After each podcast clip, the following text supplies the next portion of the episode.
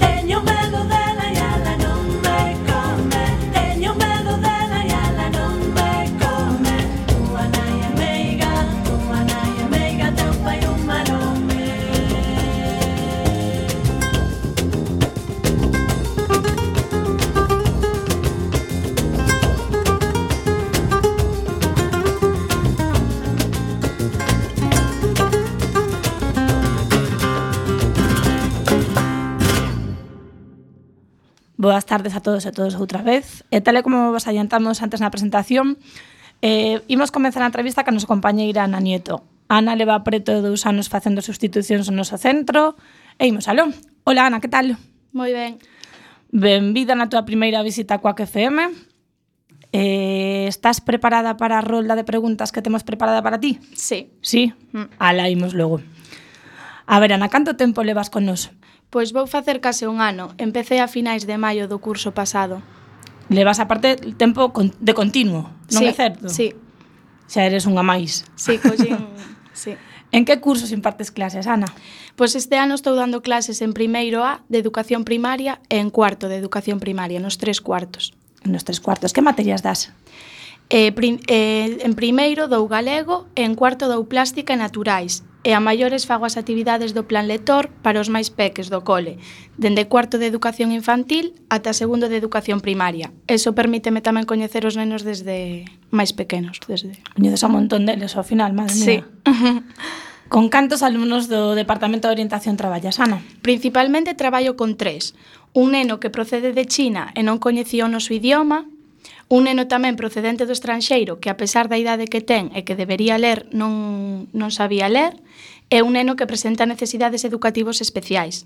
Ademais, nas clases ordinarias, nas clases de referencia, nas que imparto clase, sí que traballo con alumnos e alumnas que presentan necesidades específicas de apoio educativo, como TDAH, problemas de, da conduta...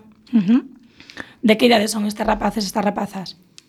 Eh, pois dous deles van, un, del, un deles, perdón, van en terceiro de primaria, outro en cuarto e por último en terceiro de ESO. Moi ben. Eh, mira, eh, estes rapaces os tes dentro ou fora da aula?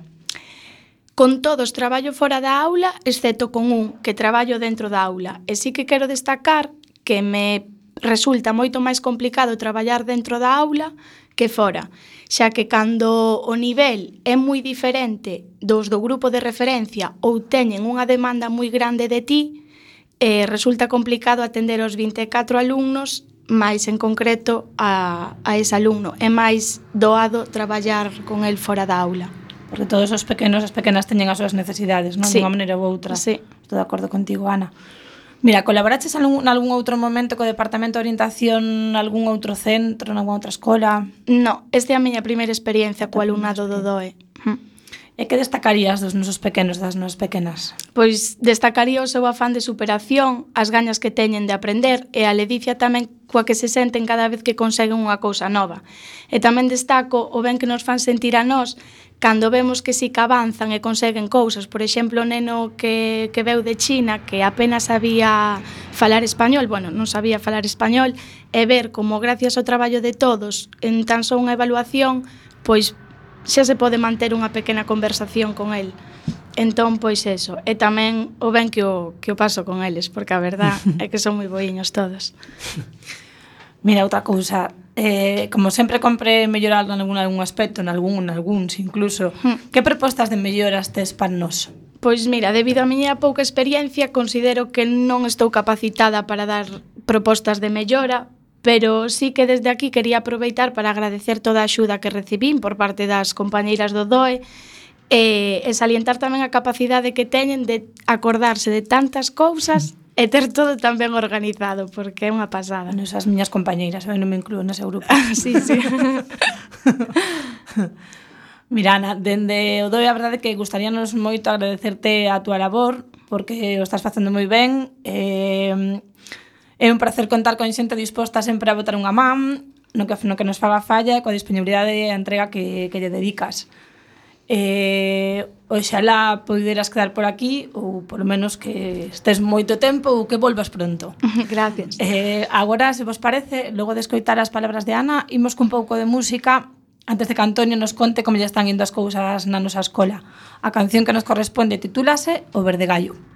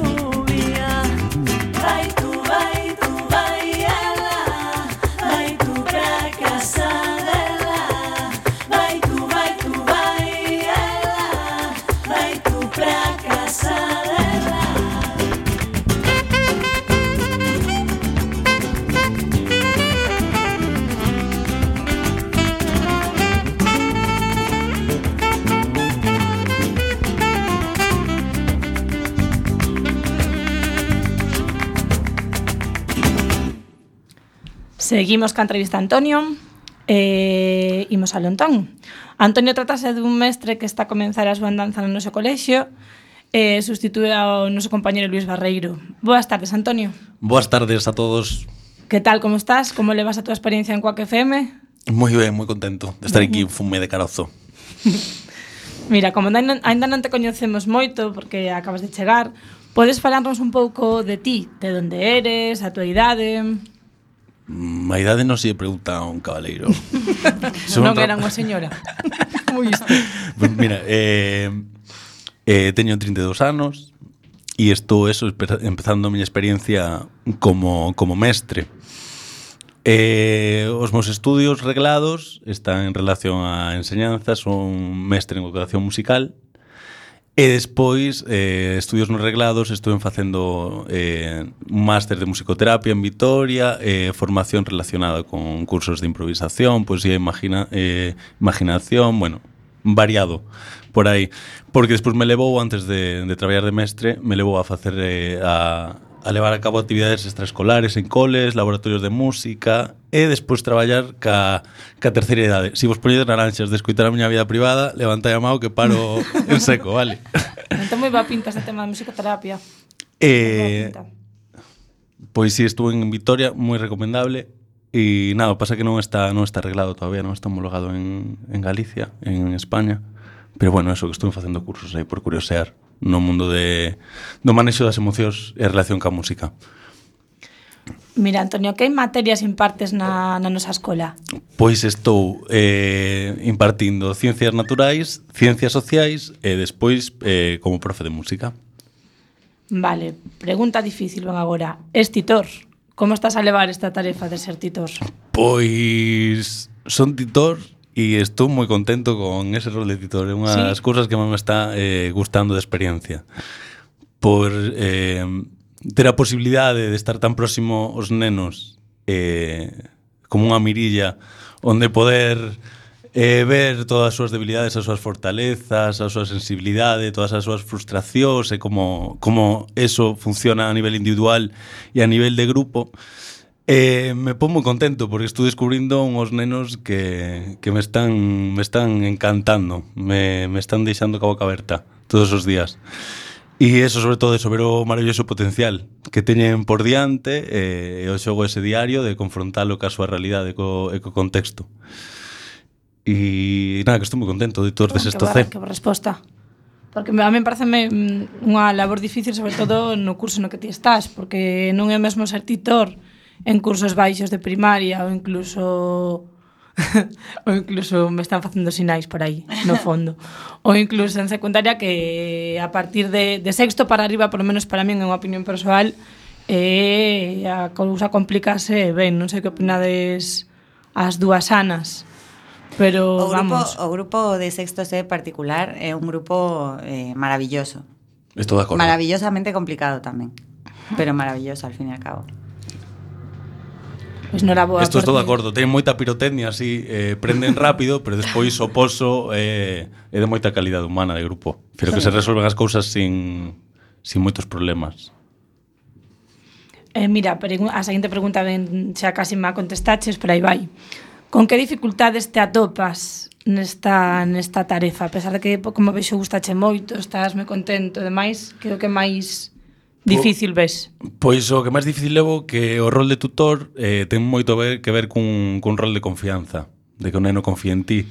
Non é un rol puramente burocrático, entonces como levo, levo un mes, levo un mes e medio, aí no, ni un mes e medio no cole, Pois, pois, pois eso se nota, porque transmitir pois a seguridade, a sensación de xustiza, eh, comprensión, cara, eles, eh, cariño, É difícil se non é unha figura que teñen de referencia. Eu por ahora eh, pouco a pouco, cada vez mellor, pero non deixo de ser un descoñecido para eles. Entonces eu valoro un montón que pouco a pouco sí que se están abrindo e confiando en min para, para ir resolvendo os problemas. Están a coñecer, non? Sí. Claro que, jo, E despois, eso, eh, sobre todo, conciliar a, a tutoría co que a, a propia actividade académica. De que non haxa un espacio propio de tutoría, pois eh, eu lle dedico o tempo cando creo que é necesario, pero está está competindo con ciencias naturais ou con ciencias sociais ou con música. Entón, eso tamén o levo complicado. Mm. E despois a novatada de intentar eh, trasladar o que está pasando na aula intentar eh, facer actividades cunha metodoloxía que intenten traballar un pouco pois, eu sei, pois xuntar a este con este porque xusto xurdiu un conflito vamos intentar que por aí mm. todos amaine. Pero bueno, eso son Terapias falta, falta de tablas. nas tablas eu teño un poucas tamén, pero bueno, quédame, penso que pasarán 30 anos estarei collendo esas tablas das que fala a xente mm. neste tipo de, de solucións, ademais, madre mía. Eh, bueno, outra pregunta que máis ou menos, bueno, contoche. Que é máis duro de ser mestre, en xeral? Pregunta aberta. Dramática, pregunta dramática.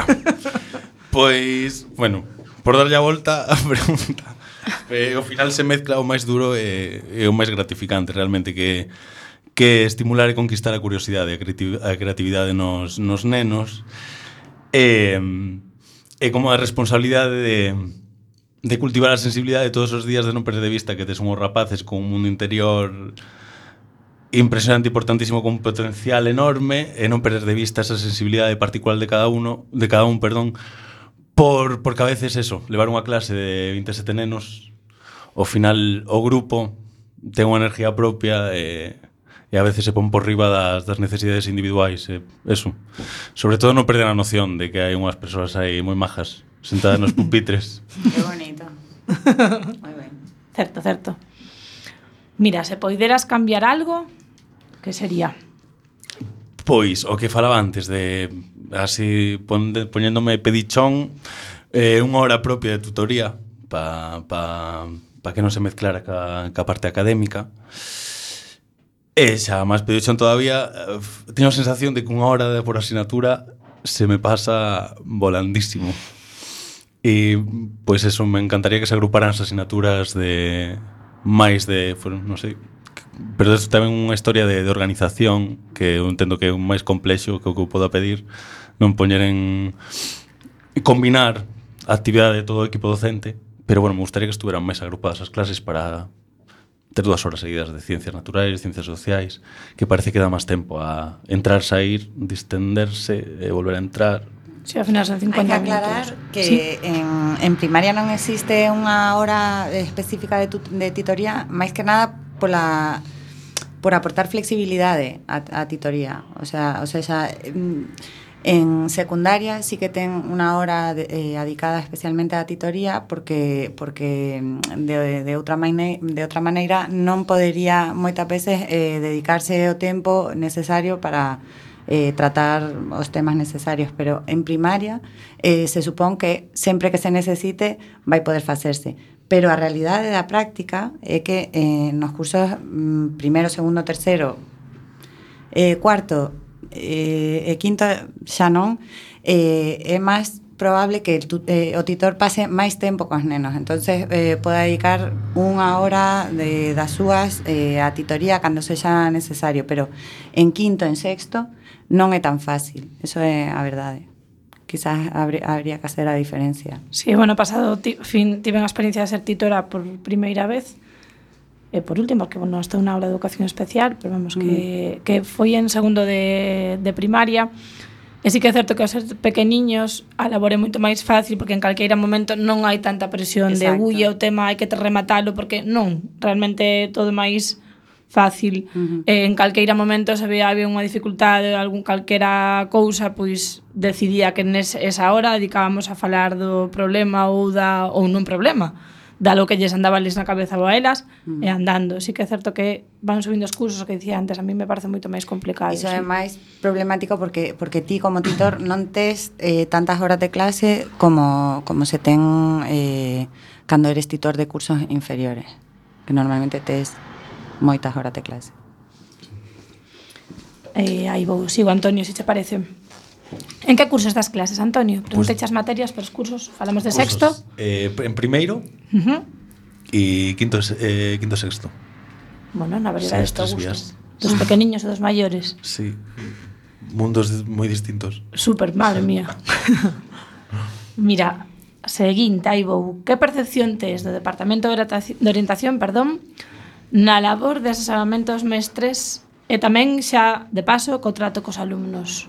Xa que levas pouco tempo, non nos coñecías de antes, interésanos. Pois... Cuidado. interésanos escoitar o que Esto queremos, eh? A ver, centrémonos.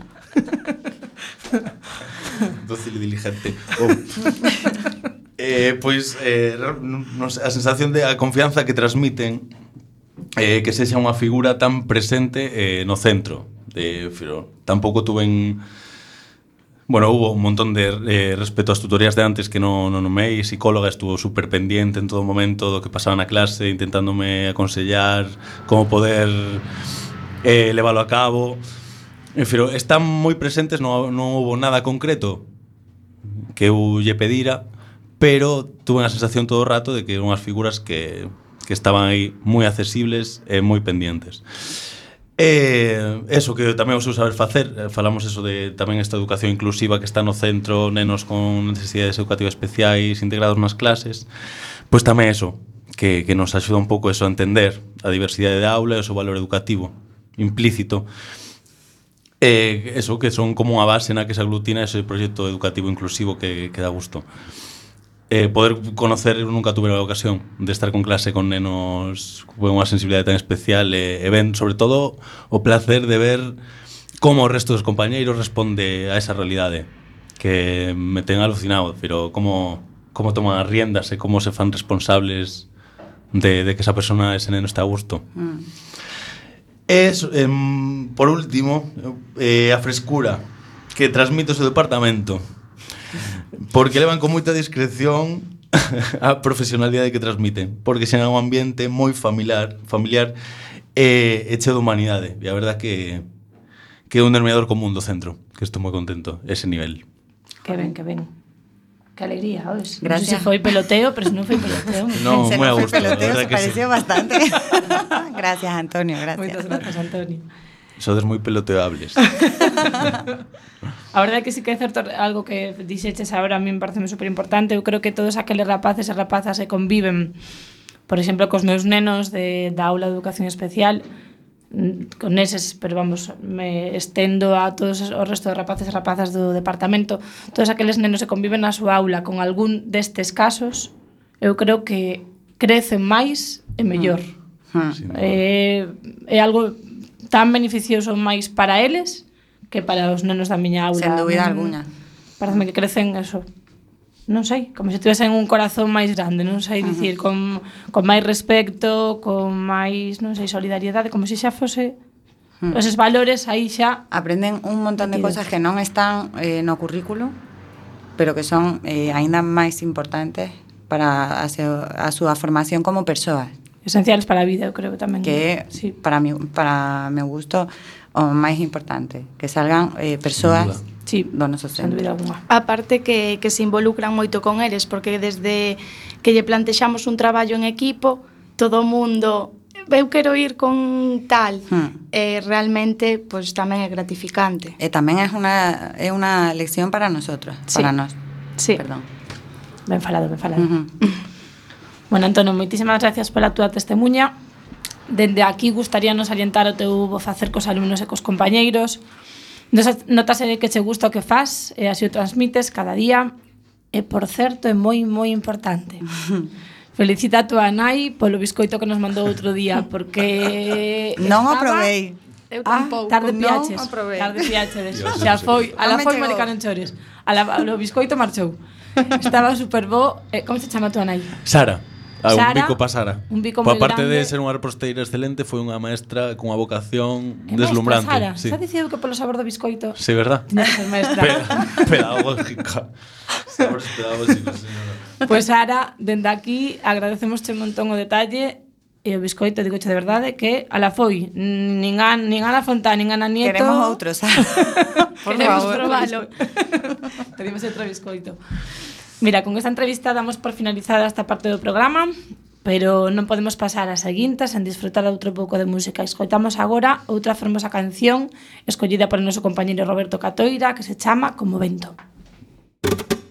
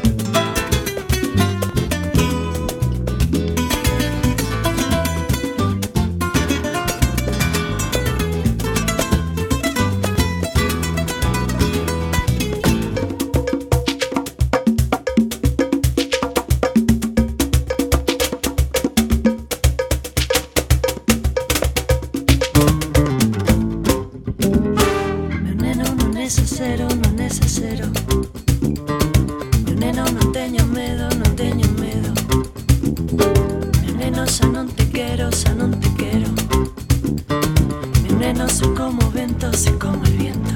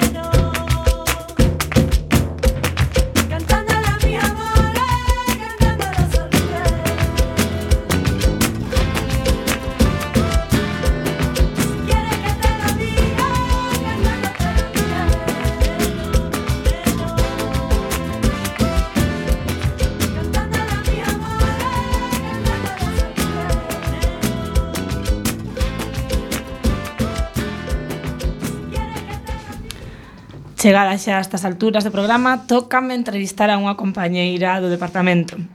Adiántovos, ainda que non o parece, que non é galega, polo que terá que facer un esforzo salientable para falar na nosa lingua durante a entrevista. Ala imos, boas tardes, Ana. Boas tardes. Ana é a orientadora do centro e o seu terceiro ano na escola, polo que xa pode facer unha valoración máis profunda do tema que estamos a tratar ao longo do programa. Entón, comezamos. Ana, como ves aos mestres que empezan na nosa escola?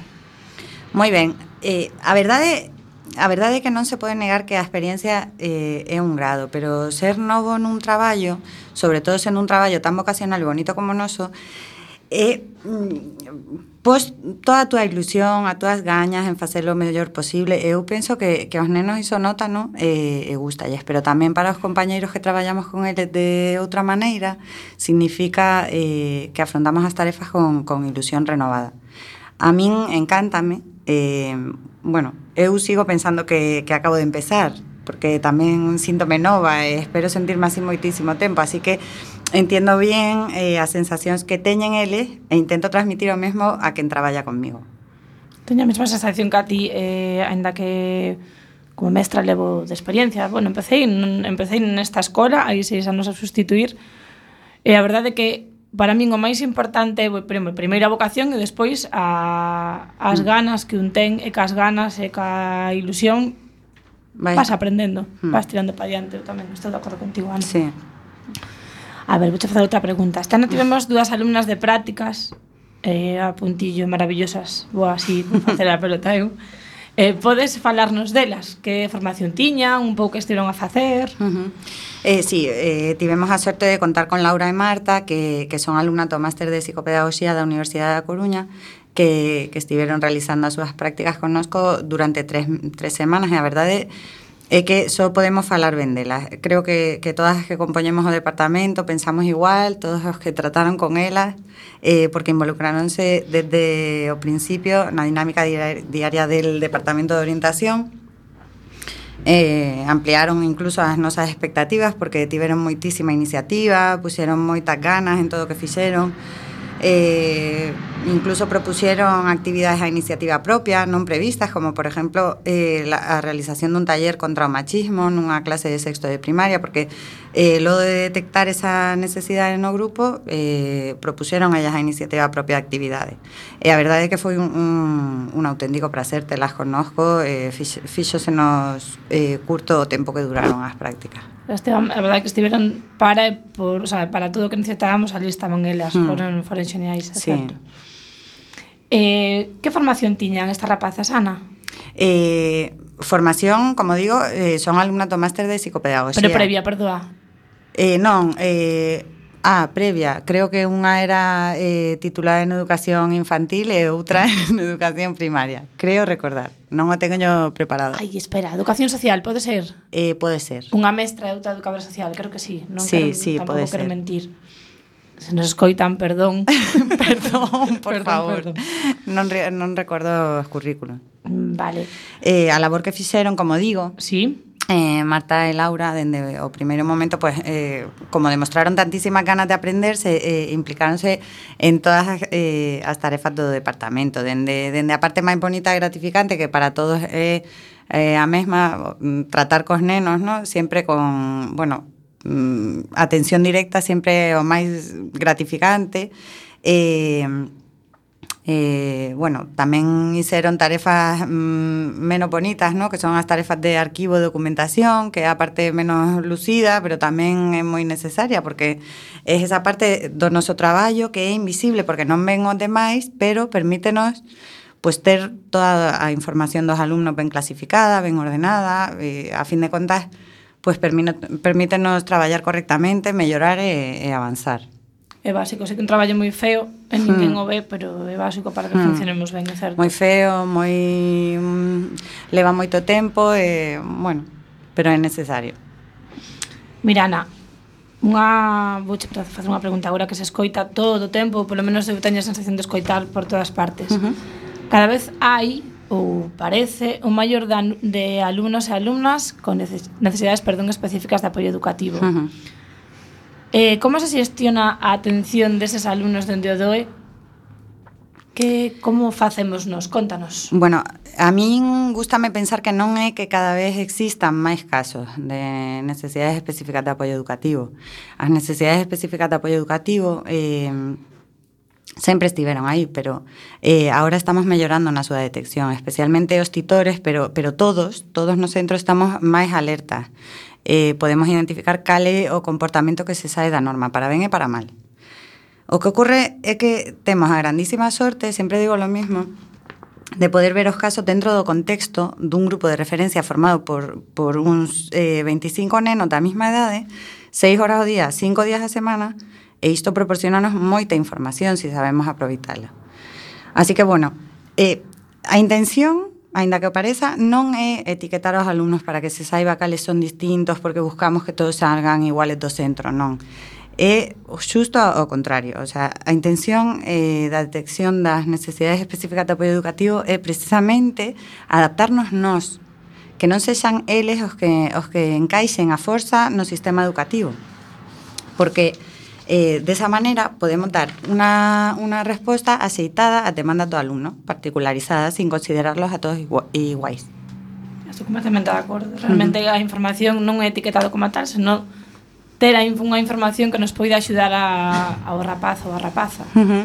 Adaptarnos a acercar al, eh, aos, aos nenos a, ao currículum, e non ao, ao contrario. Uh -huh. Mira, outra pregunta, Ana. Os mestres solicitan asesoramento por parte do DOE Uh -huh. eh, en que aspectos? Se que sí, a, se a resposta é afirmativa, en que aspectos solicitan esta información? Eh, bueno, normalmente os profesores preguntan sobre o que o que pode ou non pode considerarse normal dentro da conducta ou, ou das reaccións do alumno.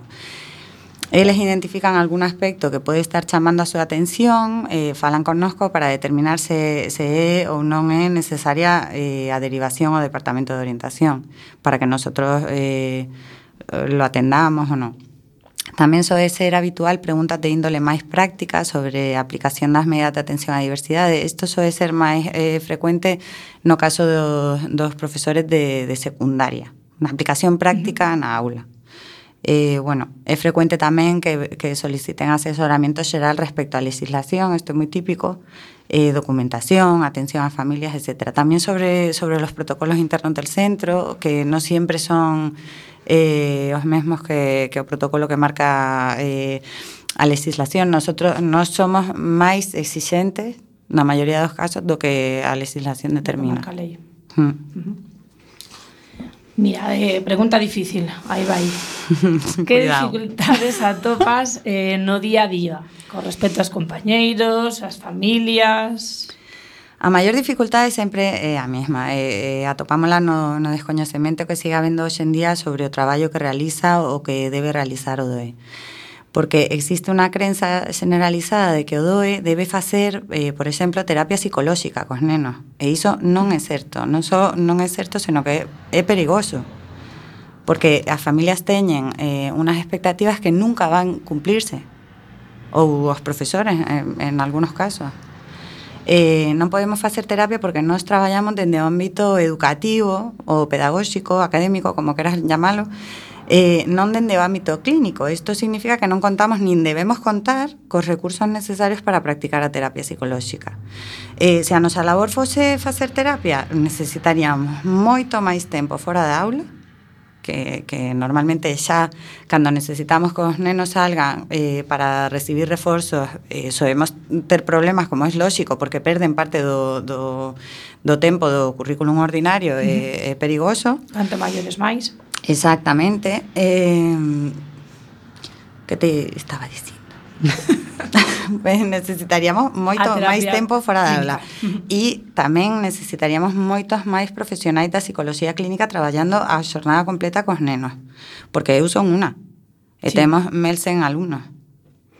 Eh, además hai que tener en conta que, que, que podería haber parte da terapia en grupo, pero normalmente a terapia psicolóxica é, é individual. Uh -huh. A nosa re responsabilidade e identificar as necesidades educativas dos alumnos e darlles resposta da maneira máis excitada posible para garantir o seu acceso á aprendizaxe.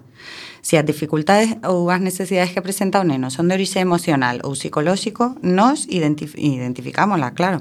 E tratamos de velar polo benestar do, do neno sempre, e eh, a correcta aplicación das medidas de atención á diversidade correspondente dentro da aula, pero non facemos terapia individualizada de ningún tipo. Digamos que temos que percatarnos eh, e proporcionarlles axuda mm, dentro do que está nas nosas mans. Vamos. Exactamente, ¿Mm? exactamente. Moita veces eu entendo que a, confus a confusión ven porque traballamos de forma individual ás veces cos nenos de infantil e de primaria porque temos os recursos necesarios para reforzar aqueles aspectos relacionados coa adquisición da, da linguaxe oral, e escrita, por exemplo, coas especialistas de audición e lenguaxe, uh -huh. como tú, a miña eh, como a Almudena, exactamente. De Almudena, ademais de Mónica, sí. Exacto, porque a linguaxe temos que tener en cuenta que é o vehículo imprescindible para a adquisición de todos os aprendizaxes, e sen, sin linguaxe non vamos a ningún lado. O de pensamento. Exactamente. eh, tamén facemos reforzos individualizados noutras áreas con, con Mónica, que é, a, espe- a, eh, que a especialista en pedagogía terapéutica, ou como xa vimos a, través de distintos profesores colaboradores como Ana Nieto, Eh, pero como digo, son reforzos, non son terapias, non son tratamentos psicolóxicos, e sempre van a estar directamente vinculados coas necesidades académicas atopadas. Outra cosa eh, que no contexto no que estamos, eh, tendemos a tener una relación personal con los alumnos, que eso es normal. Eh, ah, cuando sabemos que tienen algún problema o que están pasando por una situación personal complicada, hacemos eh, por atoparlos en algún momento, dos recreos, momentos informales, uh -huh. corredores o así, para preguntarles discretamente qué tal lleváis, etcétera. También esto eh, contamos con la colaboración inestimable de dos, dos titores que fan un seguimiento diario. Dos uh -huh. nenos, que van contándonos cambios en los estados de ánimo, dos nenos. eh, ás veces derivan os casos cando consideran que, que os estados emocionais están a afectar o desenvolvemento académico. E, polo tanto, tamén é necesario adoptar medidas. De acordo, penso que nos quedou claro. Mm. eh, imos a pola última pregunta, Ana. Venga. É outra bomba. Con respecto á legislación vixente, primeiro, que podes dicirnos? Eh, custa aplicala no día a día? E a última, A lei de ACI é bastante antigua, da 96. Crees que debería mellorarse? Hmm. Hmm? Sí, a ver, eh, non só a lei das adaptaciones curriculares individualizadas, que é o que significa así, eh, eu creo que, que, que non podemos adiantar en algúns aspectos a nivel legislativo e deixar outros sen tocar. Vale? Porque xa incluso a propia nomenclatura varía. Eh, isto xera confusión. Mm, moitas veces parece que, que deixa nas nosas manos, é dicir, eh, dos que a poñemos en práctica eh, o que debemos adiviñar o que debemos facer, sen saberlo a ciencia cierta. A verdade, eu síntome moi agradecida de poder contar co apoio de Domingo Álvarez, que é o especialista en orientación educativa do, do equipo de orientación específico de Coruña, porque, porque son moitas as veces que teño que solicitar o seu consello para quedarme tranquila respecto á miña interpretación de determinadas leis. Eh, as modificacións na legislación a veces mm, parecen o reflexo dunha tira e afrouxa política que pouco mm, ten que ver coa realidade educativa, pero a verdade é que a educación debe adaptarse eh, que certos cambios son necesarios para avanzar. Aplicación práctica das novedades legislativas suele ser difícil no primeiro momento, como ocurre con todos los cambios. Normalmente encontramos resistencias, pero una vez dados os primeros pasos, volvemos a encontrarnos cómodos enseguida. Isto hai que tenerlo en cuenta. Eh, o verdadeiro problema ven cando a educación convertese en unha moeda de cambio que os políticos utilizan para reclamar a súa propia importancia e que non haxa acordos porque ninguén eh, dá o seu brazo a torcer, por exemplo, o que está pasando agora co, co Pacto de Educación actual. Isto fai que, que atopemos un marco legislativo pouco estable ao longo dos anos, con cambios moi significativos na práctica, que a veces supoñen confusión para toda a comunidade educativa, sobre todo para os alumnos entorpecen o avance mm, do que falamos, mm, que se eh, parece que eh, sempre estamos a falar da, da adaptación do sistema educativo á sociedade e isto, en vez de favorecerlo, eh, complícalo. É que non miran, bueno, penso que non están nunca a mirar dende hai moito tempo para as nenos e para as nenas, non? Uh -huh. O que ti dixen máis un tema político de un tira frouxa e un lanza pelota. Eh. Demostrar e... a miña importancia sí. e a miño poder. Sí, certo. O meu. Mirade, o meu, ben corrixido. Moi Cor... ben, Ana. Moi ben, moi ben. que vamos. Non avisou ninguén, ainda que é unha radio, prométovos que foi autocorrección. Estou a mellorar no, no meu galego. Mira, antes de continuar ca parte final do programa, eh, imos escoitar outra canción que se chama Miña Nai.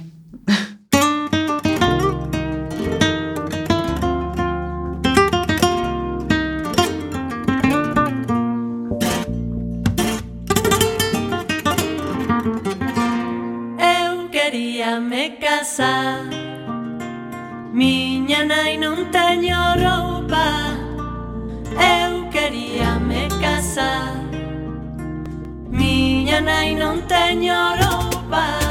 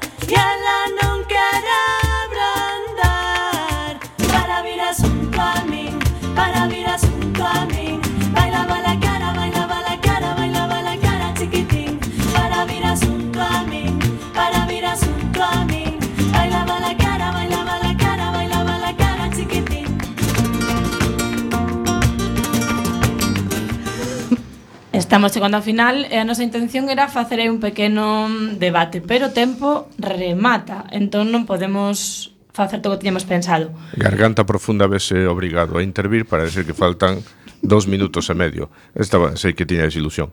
Pois estou mediafónico, pero podía facelo mellor. Gracias, Roberto. Pois eso, un debate breve e todo eso, pero Acaba de subir a calidade do programa. Sí, sí, sí. Pois, de genteiros. O, o, o listón está ben alto. entón resumimos todo imos, eh, como dixemos antes, Ana, mais Antonio son novos na escola, imos todo peso sobre eles. Ala, unha novatada, chamase isto en toda regla. Eh, a pregunta que nos parece máis importante queremos que, que contestedes eh, que íamos debate, debater é eh, a formación recibida unha pregunta con unha afirmación perdade ah. a formación recibida é suficiente para ter un bo desempeño no noso traballo sí ou non Por qué? Eu considero que non. Eh, bueno, eh, aínda hai dous anos que rematei a carreira e realmente non recibimos moita formación porque sí que é todo moi teórico, pero na práctica cada neno é unha realidade e non considero que é moita teoría e moi pouca práctica. Vale, Antonio. Esto non vai ser un debate porque opinamos os dous sí, exactamente o mesmo. no eu estou completamente de acordo, pero bueno, que é un denominador común en todas as formacións de que fira unha porta aí que che abren, pero a profundidade tens que poñer tú en función do teu interés. Sí. Eh, temos sorte que, que, que non nos é unha profesión aí moi vocacional e eh, co factor vo, vocacional intuitivo está rodeado de profesionais que levan tempo facendo eso sí, toda axuda podemos, sí, eh, trocar un pouco de enerxía de novedad por un pouco de sabiduría que xa teñan eles e eh, facer un término medio aí. Bueno, pois logo damos as grazas, Ana, que non che din as grazas antes pola, pola túa entrevista. Dende logo. Eh, achegas a despedida, é eh, triste pero certo. Eh, gustaríanos salientar que este ano, como nos anos anteriores, as actividades levadas a cabo no noso colexio polo Departamento de Orientación en colaboración cos outros departamentos da escola e o equipo de dinamización, perdón, dinamización a presa, Dios mío, da lingua galega, nos van procurar moitos momentos nos procuran de ledicia e de traballo en equipo. E dende logo pinta moi ben. Moitas grazas a todos os convidados. Grazas, chicos e chicas e chico. Xa sabedes, estamos en Coac FM 103.4 os martes de 5 a 6. Non vos esquezades de